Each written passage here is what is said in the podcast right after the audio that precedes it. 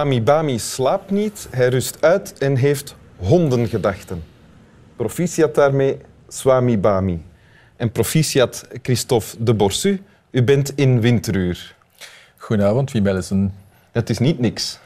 Het is niet niks, dat is de droom van mijn vrouw, die zo blij is dat ik hier ben. Dat is haar geliefkoosde programma. Ja, Christophe de Borsu, u hebt een, Nederland, een Vlaamse vrouw. U bent taalgrensoverschrijdend fenomeen eigenlijk, hè, wedstrijdjournalist. En uh, de presentator van de Franstalige Zevende Dag eigenlijk. Ja. C'est pas tous les jours dimanche. Is het ja, de zesde, zesde uur, dus van 11 tot 1 elke zondag. Maar u kunt natuurlijk nog kijken naar de zevende dag. Af en toe uh, naar ons is ook goed. Ja, we kunnen afwisselen. Hè? Ja. Perfect. En je hebt een tekst bij. Ik heb een tekst bij, ja. Uit de Bijbel? Uit de Bijbel. Wil je die voorlezen? Zeer graag. Uh, dat is een tekst die ik normalerwijs in het Frans voorlees. Dus voor mij is het een beetje moeilijk, maar ik ga mijn best doen, Wim. Ja? Hij vroeg hen, waar loopt u toch over te praten? Daarop bleven ze somber gestemd staan. Een van hen, die Cleopas heette, antwoordde: Bent u dan de enige vreemdeling in Jeruzalem die niet weet wat daar deze dagen gebeurd is? Ze naderden het dorp waarin ze op weg waren. Jezus deed alsof hij verder wilde reizen, maar ze drongen er sterk bij hem op aan om dat niet te doen en zeiden, dat is de mooiste zin van de tekst, blijf bij ons, want het is bijna avond en de dag loopt ten einde. Hij ging mee het dorp in en bleef bij hen. Toen hij met hen aan tafel aanlag, nam hij het brood, sprak het zegengebed uit, brak het en gaf het hen. Nu werden hun ogen geopend en erkenden ze hem. Maar hij werd ontrokken aan hun blik. Daarop zeiden ze tegen elkaar: Brandde ons hart niet toen hij onderweg met ons sprak en de schriften voor ons ontsloot.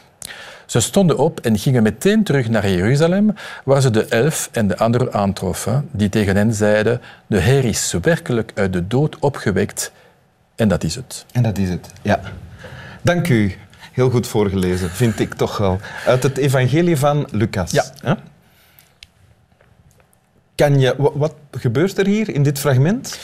De Christus is dus uh, al drie dagen dood. Trouwens, niet onbelangrijk. Hè? Bij de, de, Joden, drie dagen, dat is het moment dat iemand dood wordt verklaard. Dus we, ze wachten tot drie dagen en dan werd ze officieel dood verklaard.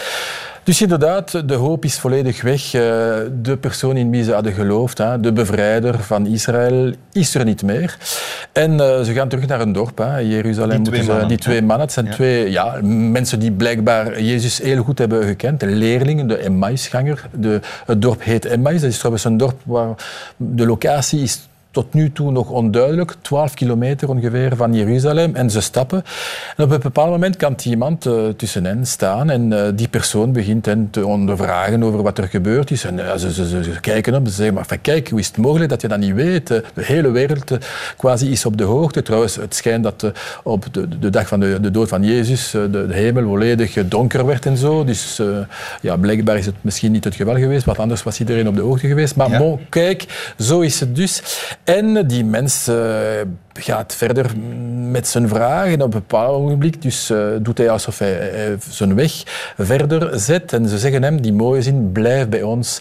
Het wordt, de dag is bijna om, het wordt donker. ja, ja, ja, il est tard, in het Frans. reste avec nous, Seigneur. Dat is, allee, ik, heb, ik heb echt uh, rillingen, koude rillingen, maar aangename rillingen ook uh, als ik dat zeg. Want dat is, is ook trouwens de, de geliefkoosde tekst van mijn moeder. Ik ga dat later vertellen. Maar, en dat is dus cruciaal. Hè? En die, die mens blijft en dan gaat hij zich laten zien als Jezus. En ja, ze begrijpen dat het dus werkelijk gebeurd is. Dat de, de Heer, in wie ze zo lang hadden geloofd, werkelijk uh, verrezen is. En ze gaat terug naar Jeruzalem. En de rest van de groep is trouwens ook op de hoogte, want Jezus is op, uh, ook op andere plekken uh, blijkbaar verschenen. Dus dat is een heel mooi verhaal natuurlijk. Het is ook heel journalistiek geformuleerd. Hè. Dat is dus echt een, zo bijna een reisverhaal. Je ziet het gebeuren, je hoort het gebeuren. En ik vind dat absoluut magnifiek. Journalistiek? Ja, dat vind ik ook. Ja. Alsof Lucas dan de journalist is die Ja. een verslag maakt van... Dat is ook zo. Trouwens, de hele Bijbel, of zo, vooral het evangelie natuurlijk, is heel journalistiek opgesteld. Dat zijn parabels. En parabels, dat is wat een journalist uh, wil doen in zijn werk. En dat is een reportage. Dus je zoekt een verhaal om iets te illustreren. Een parabel, dat is het. Dus een verhaal dat iets illustreert. Dus een hogere waarheid, bij wijze van spreken. Is het dan ook wat u doet? Want u bent ook journalist. ja, ik ben uh, ja, Jezus Christus is, hoewel mijn naam Christus... Nee, nee maar uh, zoals Lucas, een journalistiek verslag geven of dat verhaal. Wel, jawel, dat wel. Of ja, de verhaaltjes, dat vind ik, ik vind, ja, als ik... Uh, vroeger gaf ik les in journalistiek aan, aan, dus aan jongeren het, van, van 18, 19 jaar oud. En ik, ik, ik gaf altijd het voorbeeld van de Bijbel. Ik zeg, het boek dat het meest aangeslagen heeft, dus het meest verkochte boek ooit, de Bijbel, nog steeds, uh, werkt aan de hand van parabelen. Dus is het inderdaad de belichaming ook. Hè? Dus iemand vinden die een verhaal belichaamt, dat is dus de essentie van journalistiek, vind ik. Ja. En dan is voor u de mooiste zin uit dit fragment de zin blijft bij ons, want het is bijna avond en de dag loopt op zijn eigen. Het is zo eenvoudig, het vat allemaal samen. Het is, ja, en dat is het. En dat is ook, vind ik, het teken dat iemand je leven kan veranderen. Hè? Dus je, dit is iemand die, die met hem komt, ze, ze weten niet meer waar ze aan toe zijn, en die persoon gaat hen in zichzelf de waarheid doen vinden. Dat vind ik ook magnifiek, dat één persoon de, het leven van een andere persoon kan veranderen. En hier in ja, Jezus Christus natuurlijk de, de, de, het leven van de hele wereld uh, zeker de westerse wereld, heeft, heeft veranderd. Is dat wat u zo treft hierin? Dat één persoon zo'n verschil kan Toch? maken? Ja, ja, absoluut. Dat is ongelooflijk. Uh, en dus elke persoon is belangrijk, want wij allemaal veranderen de wereld, de wereld elke dag, natuurlijk door alles wat we doen. En dat is dus magnifiek. Ook in dit verhaal wordt dat ook uh, mooi gezegd, vind ik. Wij veranderen de wereld constant. Maar dan moet iemand wel uh, luisterbereid zijn en zeggen, blijf nog even. Absoluut, ja, ja, dat is ook de ontmoeting. Hè. Dus blijf niet achter je computer. Uh, u weet het misschien, Wim, de, de, de cijfers van uh, de delinquentie uh, is gedaald omdat, vijf, met 5% gedaald omdat de jongeren veel te veel achter hun computer blijven. dus ze gaan niet meer op straat om te, te stelen of wat dan ook. maar dat beaam ik dus niet. Het is veel beter om op straat te zijn, om met elkaar te praten. Zo verandert u beter de wereld, denk ik nog, ja. U uh, maakt een vergelijking met uh, het beroep van journalist, mm -hmm. hè, verhaaltjes optekenen. Maar dit is ook een parabel.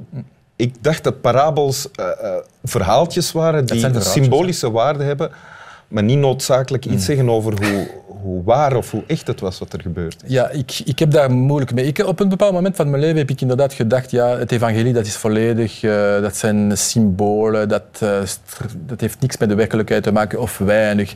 Want inderdaad hebben we geen bewijzen van het bestaan van Jezus. Er zijn een paar passus in bepaalde teksten die inderdaad, van, uh, ook los van de Bijbel natuurlijk, of los van het evangelie, teksten van leken, die naar het bestaan van Jezus verwijzen. Maar dat zijn ook, u weet het, hè, dus alle teksten de oudheid zijn door monniken neergepend in, in abdijen. Dus u kunt natuurlijk altijd veronderstellen dat ze de tekst een beetje uh, vervormd hebben uh, en naar een eigen pen hebben geschreven, om dat natuurlijk om de, het bestaan van Christus te kunnen bewijzen. Dus niks is zeker, maar op een bepaald moment heb ik inderdaad gedacht, ja kijk, dat is volledig symbolisch. Maar tegelijkertijd, hoe is het mogelijk dat die mensen dat geloofd hebben?